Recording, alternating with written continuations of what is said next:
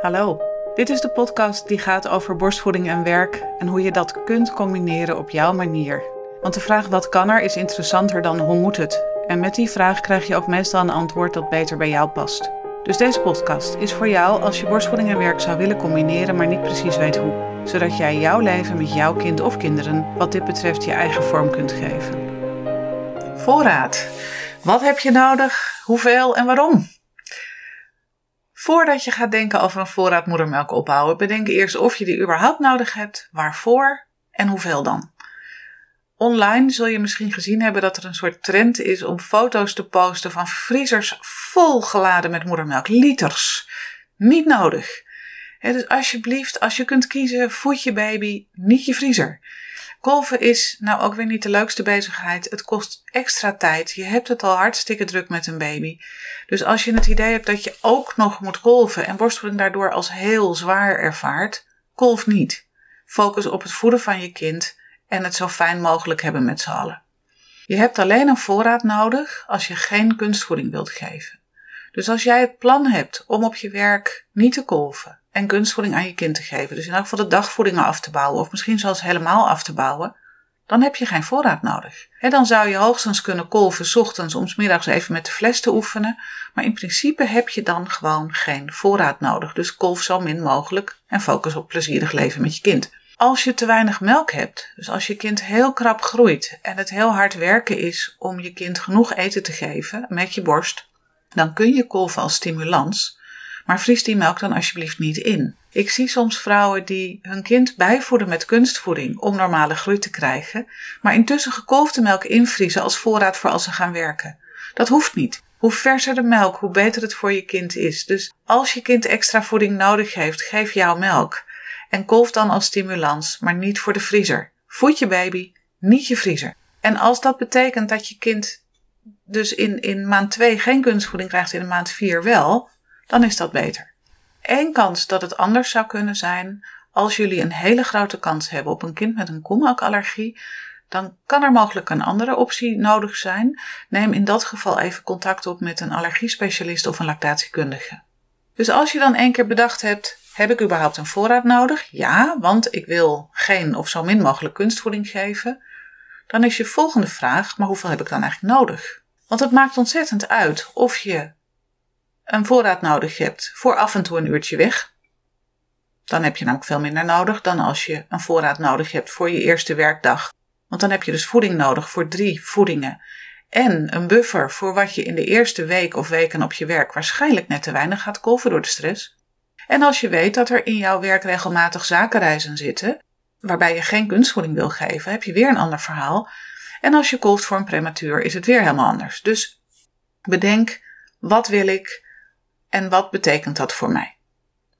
En als je dat een keer weet, dan is de volgende stap dat je even een test doet of jij je melk goed in kan vriezen. En of je vriezer goed is trouwens ook. Hè? Want je hebt, zeker als je langer wil invriezen, heb je wel een goede vriezer nodig. Hoeft niet perfect, maar hoe langer je het wilt bewaren, hoe beter je vriezer moet zijn. En maak hem ook even schoon, dat hij echt goed koelt. Voordat je gaat invriezen, test of jij je melk lang in kan vriezen. Verreweg de meeste moeders kunnen dat. Maar er is een kleine groep vrouwen die in hun melk een heel actief vetverterend enzym hebben, lipase. En bij die vrouwen wordt melk heel snel heel vies. Dat kun je testen door even wat melk af te kolven, dat een uurtje in de koelkast te zetten, dan drie dagen in te vriezen, te ontdooien en te ruiken en je kind te laten proeven. Moedermelk ruikt vaak een beetje muf of zelfs zeepig, maar kinderen doen daar over het algemeen totaal niet moeilijk over. Als dat zo is na die drie dagen en het ontdooien, niets aan de hand. Als je merkt dat je melk echt heel vies ruikt, en sommige mensen noemen het zuurig, anderen gebruiken gewoon de term narkots, en je kind weigert hem, dan heb je waarschijnlijk een lipaseprobleem. Neem dan contact op met La Leche Leak, een lactatiekundige consultatiebureau of zoek even online op lipase en moedermelk bewaren. Er zijn manieren om daarmee om te gaan. Als je dat getest hebt, je vriezer is schoon, dan kun je aan de slag. En dan begin je met kolven voor een voorraad na een voeding. Als je een hele ruime productie hebt, kolf je zo snel mogelijk na een voeding Ben je gewoon in balans met je kind, dan kolf je of meteen daarna of een half uurtje later. Dus je voedt, je zorgt dat de kolf ergens klaar staat. De meeste mensen doen dit ochtends, dan heb je vaak wat meer reserves. En als je klaar bent met voeden, dan kolf je of meteen even door. Of je zet eerst een kop thee, je neemt een boterham, je installeert je kind gezellig naast je en je kolft even 10 minuten. En de normale opbrengst is dan zo'n 30 cc, misschien krijg je 50. Dat lijkt heel weinig, maar als je dat 10 dagen doet, heb je 300 cc in je vriezer. En als je 50 kunt kolven en je doet dat 20 dagen, dan heb je een liter melk in je vriezer. Dus het gaat echt om het opbouwen van met kleine beetjes. Als je dus gaat kolven voor een voorraad, dan kolf je geen hele voeding. Want je bent in balans met je kind, dus je verwacht niet dat er 100, 110 uitkomt. Je kolft de extraatjes af, het overschot. En dat vries je ook in in kleine porties. Het is heel handig om je voorraad tenminste voor een deel in kleine beetjes van 30, hooguit 60 cc te hebben. stel je voor, je bent op je werk, je kolfde niet genoeg, want het was een rotdag, dus je hebt 60 in plaats van 100. Dan is het heel fijn als je uit je vriezer nog even een ijsblokje of twee kunt halen om dat aan te vullen en je niet meteen weer een hele voeding moet ontdooien die maar beperkt bruikbaar is daarna. Invriezen kan in alle vormen van plastic die bedoeld zijn voor moedermelk. En dat moet wel echt, want sommige weekmakers zijn ronduit gevaarlijk voor baby's. Dus als je dingen koopt om je melk in op te slaan, koop dat dan als het echt bedoeld is voor moedermelk. Ook ijsblokjesvormen zijn er bedoeld voor moedermelk. Diepvrieszakjes bedoeld voor moedermelk. Is de investering waard in het kader van de gezondheid van je kind? Als je alleen maar af en toe weg wilt, dan heb je genoeg aan één of twee voedingen in je vriezer. Dus dat is ongeveer zo'n 150, en dat is aan de ruime kant, à 200 cc. Betekent dat als jij weg wilt, dat je kind wat gekolfde melk uit de vriezer kan krijgen. Jij komt terug met volle borsten, je kolft en wat je dan nog aan overschot hebt, zet je terug in de vriezer voor de volgende keer. En op die manier krijg je een voorraad die je eigenlijk steeds vers houdt. Je kunt moedermelk best heel lang bewaren. Je hoort wel eens dat je het geen zin heeft om in te vriezen, omdat na een tijdje de kwaliteit van je melk niet meer aansluit op de behoeften van je kind. Nou, neem dat niet te serieus. Jouw melk lijkt altijd meer op jouw melk dan in een fabriek omgebouwde koemelk. Dus ook als jij met twee maanden hebt gekolfd en je gaat die melk pas geven bij vier maanden of bij zes maanden, dan is dat nog steeds jouw melk. En het grappige is dat de voedingsbehoefte van kinderen eigenlijk een beetje afneemt naarmate ze ouder worden. We zijn vaak geneigd te denken: groter kind, zwaardere melk nodig, want sterker. Grappig genoeg zou je eigenlijk kunnen zeggen: juist in het begin is een kind heel kwetsbaar, zitten er heel veel antistoffen in. Dus je kind krijgt kracht voor als je die oude melk geeft. En mocht je in de eerste weken colostrum hebben ingevroren, in de eerste dagen, kan ik beter zeggen, die gele melk, daar zitten echt heel veel antistoffen in. Dus alsjeblieft, maak ook die op. Laat die niet te veel verjaren.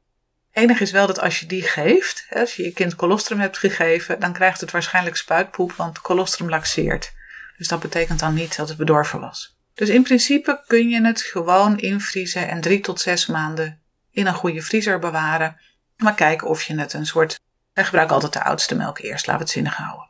Dus als je af en toe of voor de sauna of voor een avond met vriendinnen weg wil kolven, dan heb je aan 150 à 200 cc genoeg in je vriezer. Voor je eerste werkdag wil je ongeveer drie voedingen hebben en een buffer voor wat je in de eerste week op je werk niet genoeg zult kolven. Door de onwennigheid, de spanning, het zoeken, adrenaline zit hoog, je krijgt gewoon niet genoeg melk. Dus dat betekent praktisch gezien dat je zo'n 5 à 700 cc nodig zou hebben. Kun jij 50 cc per dag extra kolven en invriezen, dan heb je dat dus in 15 dagen bij elkaar. En als je af en toe die melk gebruikt om met de fles te oefenen, dan heb je dat in 30 dagen voor elkaar. Dus als je een maand voordat je gaat werken begint met invriezen, heb je je voorraad op de rit. Maak het niet te groot en te ingewikkeld.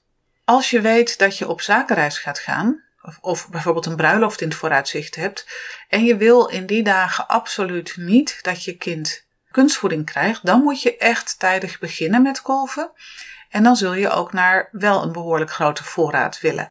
En dan geldt het sommetje 150 cc per kilo lichaamsgewicht van je kind. Gedeeld door het aantal voedingen is de hoeveelheid voor één voeding. In de eerste twee maanden 130 cc. maand 3, 4, 100 cc ongeveer. In maand 5, 6 per kilo lichaamsgewicht. Staat in de show notes. Dat betekent dan dus dat je echt wat langer van tevoren moet gaan beginnen met afkolven en dat je die voorraad geleidelijk opbouwt. Alweer, als je het niet erg vindt dat je kind dan wel wat kunstvoeding krijgt, dan is ook dat belang van die grote voorraad wat minder. Bedenk dus van tevoren juist ook dan weer hoe belangrijk is het voor je dat je kind geen kunstvoeding krijgt. En pas daar je plan tijdig op aan. Het is heel verleidelijk om twee weken voor je op zakenreis of naar bruiloft gaat heel intensief te gaan kolven om dan snel die melk bij elkaar te krijgen. Alleen omdat borstvoeding vraag en aanbod is, ga je dan een enorme overproductie creëren. Want als jij die twee weken van tevoren 200, 300 cc extra per dag probeert te kolven, dan ga je op die zakenreis of naar die bruiloft en dan zul je daar ook vaak en uitbundig moeten kolven, want je productie heeft zich aangepast naar omhoog. Dus zeker voor dat soort tijden begin tijdig, zodat je niet met enorme stuwingsborsten op reis moet.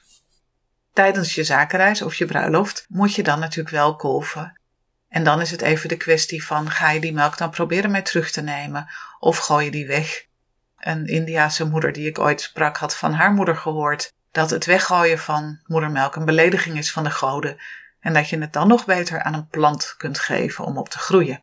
Dus dat is een mooie overweging. Sommige vrouwen zeggen, nou, dan gooi ik gewoon weg en anderen doneren het aan de voet van een boom. Als je voor een prematuur kolft, dan kom je vanzelf met een hele grote voorraad te zitten.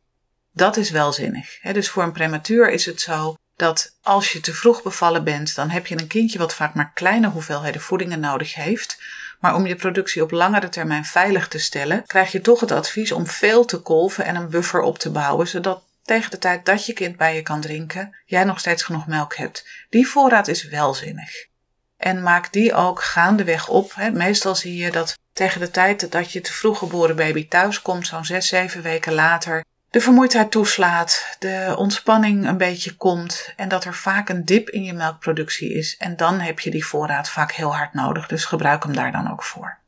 Als je merkt dat jij heel makkelijk kolft en je hebt je vriezer zo vol en je vindt het ook eigenlijk wel geestig, overweeg dan om je melk te doneren. Dat kan op twee manieren. Dat kan via de moedermelkbank www.moedermelkbank.nl en die melk wordt gebruikt voor te vroeg geboren kinderen waarvan de moeder te weinig melk heeft en maakt echt verschil in gezondheid. Als je denkt, nou, dat vind ik te serieus, dat, eh, dat trek ik niet, maar ik wil wel mijn vriezer, ik heb nog een liter melk over die ik niet meer nodig heb, of ik kolf heel makkelijk.